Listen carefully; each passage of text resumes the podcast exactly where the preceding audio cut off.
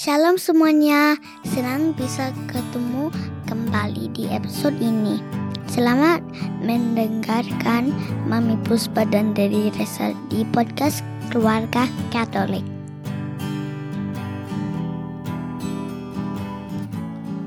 Shalom, semuanya.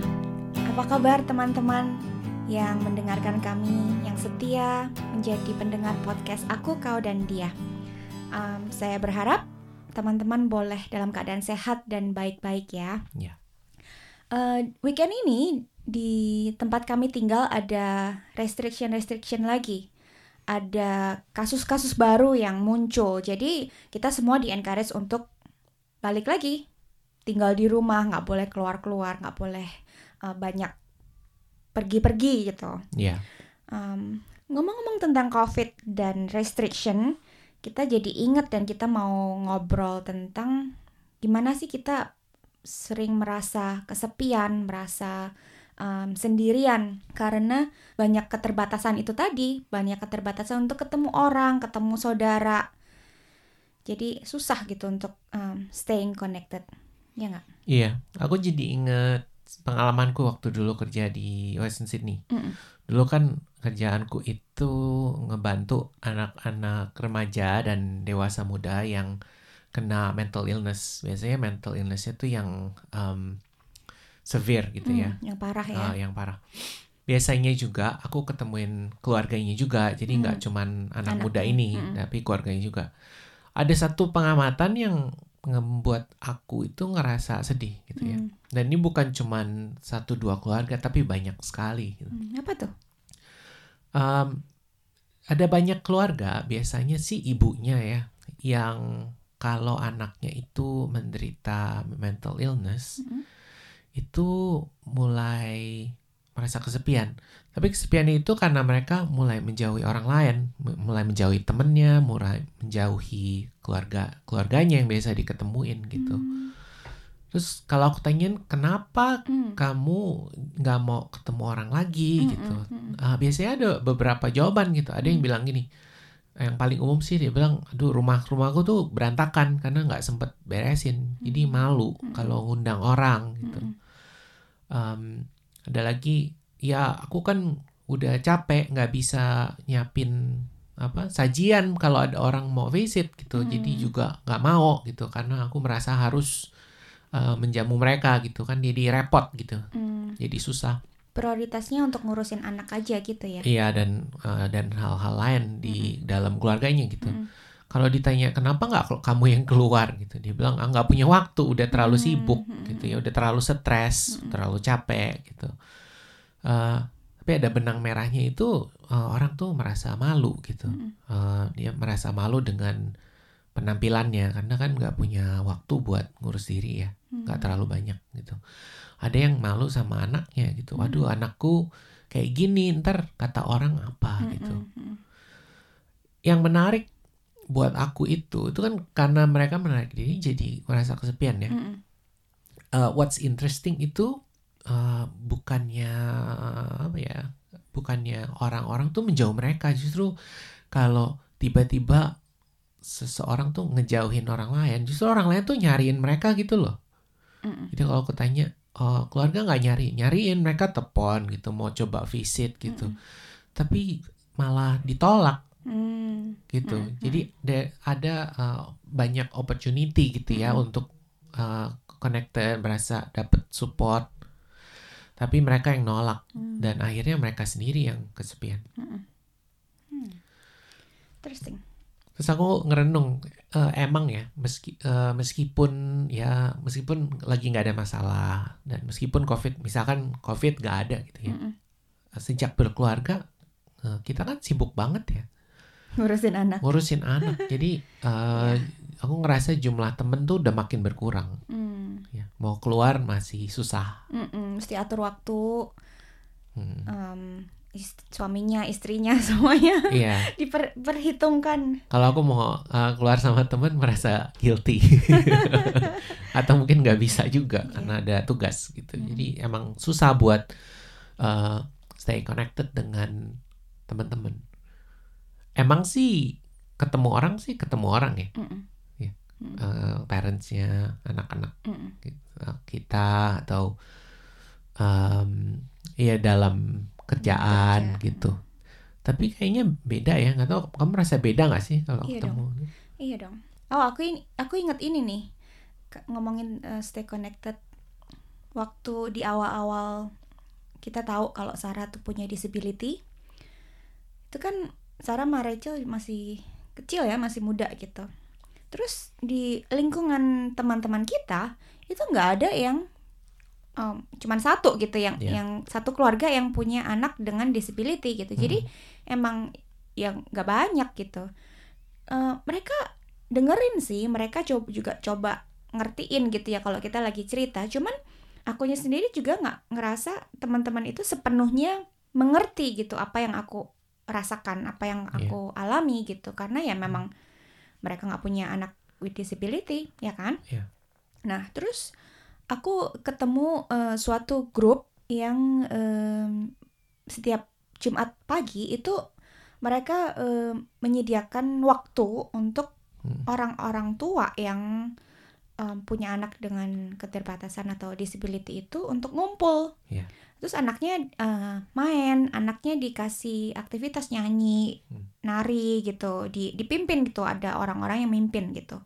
Em, terus eh, anaknya dikasih waktu dijagain, dijagain berapa menit ya? Sekitar mungkin eh, ya kurang lebih 30 menit lah. Heeh. Anaknya dijagain. Jadi banyak tuh anak-anak dijagain. Terus Hmm. em, orang tuanya itu dikasih waktu istirahat.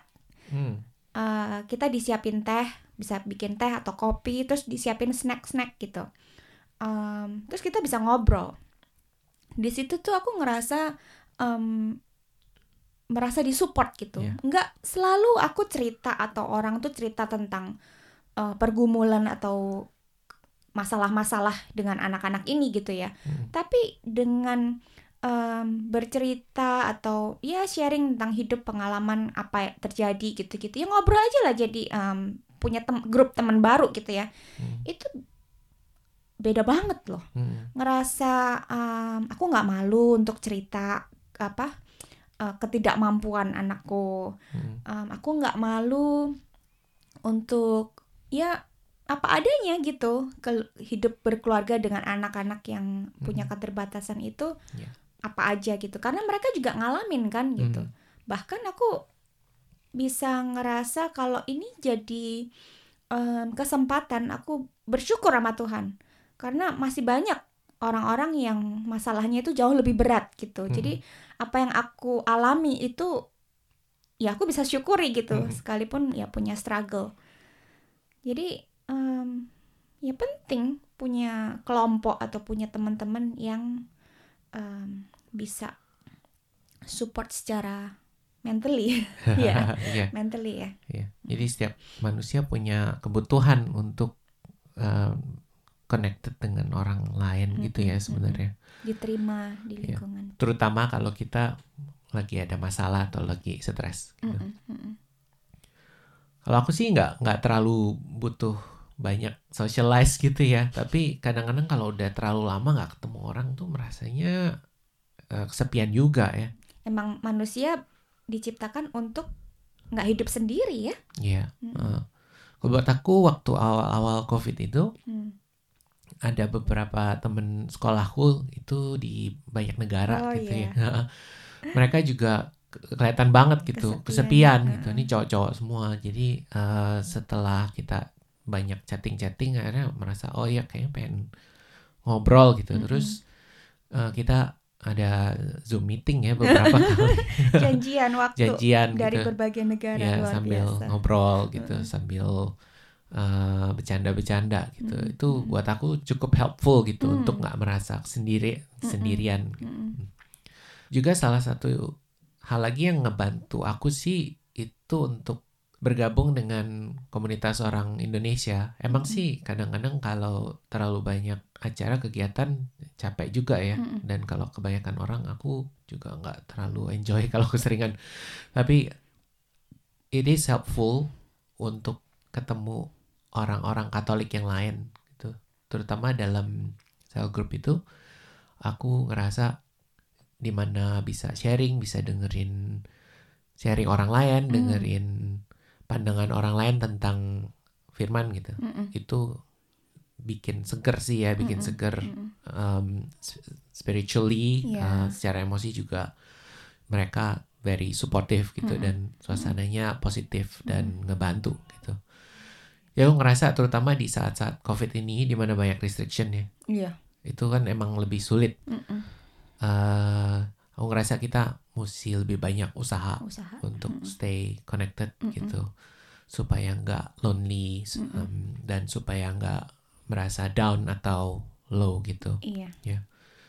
Dan juga kan itu adalah suatu tugas gereja ya untuk um, mensupport umatnya Betul. ya untuk uh, memberi dukungan fisik, memberi Tubuh jiwa roh. tubuh jiwa roh ya, Hmm, emosi dan dan spiritual juga. Dan Hmm, menurut aku ya uh, emang sih kalau kita ketemu temen yang nggak seiman itu emang juga bisa support tapi uh, they cannot uh, provide the same spiritual, Spiritual support. support, So uh, penting juga buat buat aku sih Mm-mm. untuk stay connected dengan gereja gitu. Ini harus imbang. Iya. Mm-mm. Dan yang menarik kalau Hmm. kita ngomongin gereja itu, gereja itu siapa sih? Itu Hmm, itu bukan romo loh, itu Iya, bukan uskup, tapi betul. kita. kita, Mm-mm. kau dan aku gitu. Iya. Iya. Sebagai gereja, aku ngerasa mungkin juga ya kita butuh berusaha lebih lagi untuk reach out Mm. temen mungkin yang Mm. kita udah lama nggak lihat gitu ya. Mm-mm.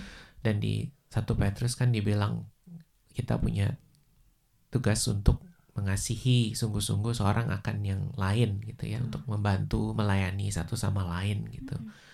Jadi emang kita butuh support dan stay connected, tapi kita juga bisa uh, ngebantu orang lain untuk stay Stay connected, connected. dan they receive the support that the church needs to give. Mm-mm. Gitu. Amin. Ya semoga teman-teman keluarga Katolik bisa stay safe di mana pun Berada. berada, mungkin di Australia, di Indonesia atau di negara lain. Mm-mm. Semoga COVID ini bisa cepat berlalu dan Betul. uh, semoga situasi di negara kita masing-masing boleh membaik. Uh, Yuk, mari kita saling mendoakan supaya pandemi ini boleh berlalu dan supaya kita semua nggak merasa kesepian. Amin. Yuk kita berdoa. Yuk. Dalam nama Bapa dan dan Putra dan Roh Kudus. Kudus. Amin. Amin. Bapa yang baik, kami bersyukur buat hari ini kami boleh um, ngobrol dan kami boleh mendengarkan satu sama lain. Tuhan, tantangan hidup masa ini um, sungguh banyak, tapi kami percaya Engkau Allah yang um, melebihi semua kesulitan-kesulitan kami. Bantu kami Tuhan untuk terus um, stay connected dengan gereja, dengan teman-teman kami, dengan umatmu yang lain. Dan bantu kami Allah Roh Kudus untuk boleh terus menjadi uh, berkat satu sama lain. Untuk uh, boleh mengasihi dan memperhatikan satu sama lain. Agar seluruh umatmu boleh merasa dan um, connect satu sama lain dan um, merasakan kebaikan dan pemeliharaanmu yang sempurna di dalam hidup mereka. Kami berdoa juga buat teman-teman yang saat ini merasa kesepian, merasa um, sendirian, tidak dimengerti, dan um, punya banyak masalah. Kami berdoa agar saat ini Tuhan, hati mereka boleh merasa kehangat karena kasih-Mu, karena mereka tahu ada Engkau yang selalu memperhatikan mereka, ada Engkau yang selalu mengasihi mereka dengan cara-caramu yang ajaib, dengan cara-caramu yang um, ada yang yang tersedia di di sekitar mereka. Juga kami berdoa buat semua keluarga-keluarga Katolik untuk jadi saluran berkat untuk orang-orang, untuk teman-teman, saudara-saudara kami yang membutuhkan. Terima kasih Tuhan. Di dalam namamu kami berdoa, kami mengucap syukur. Amin. Amin. Dalam nama Bapa, Putra, dan Roh Kudus. Kudus. Amin. Terima kasih sudah mendengarkan episode kali ini. Pastikan untuk subscribe podcast Aku, Kau, dan Dia dan kunjungi website kami di keluargakatolik.online untuk info dan tulisan yang terbaru.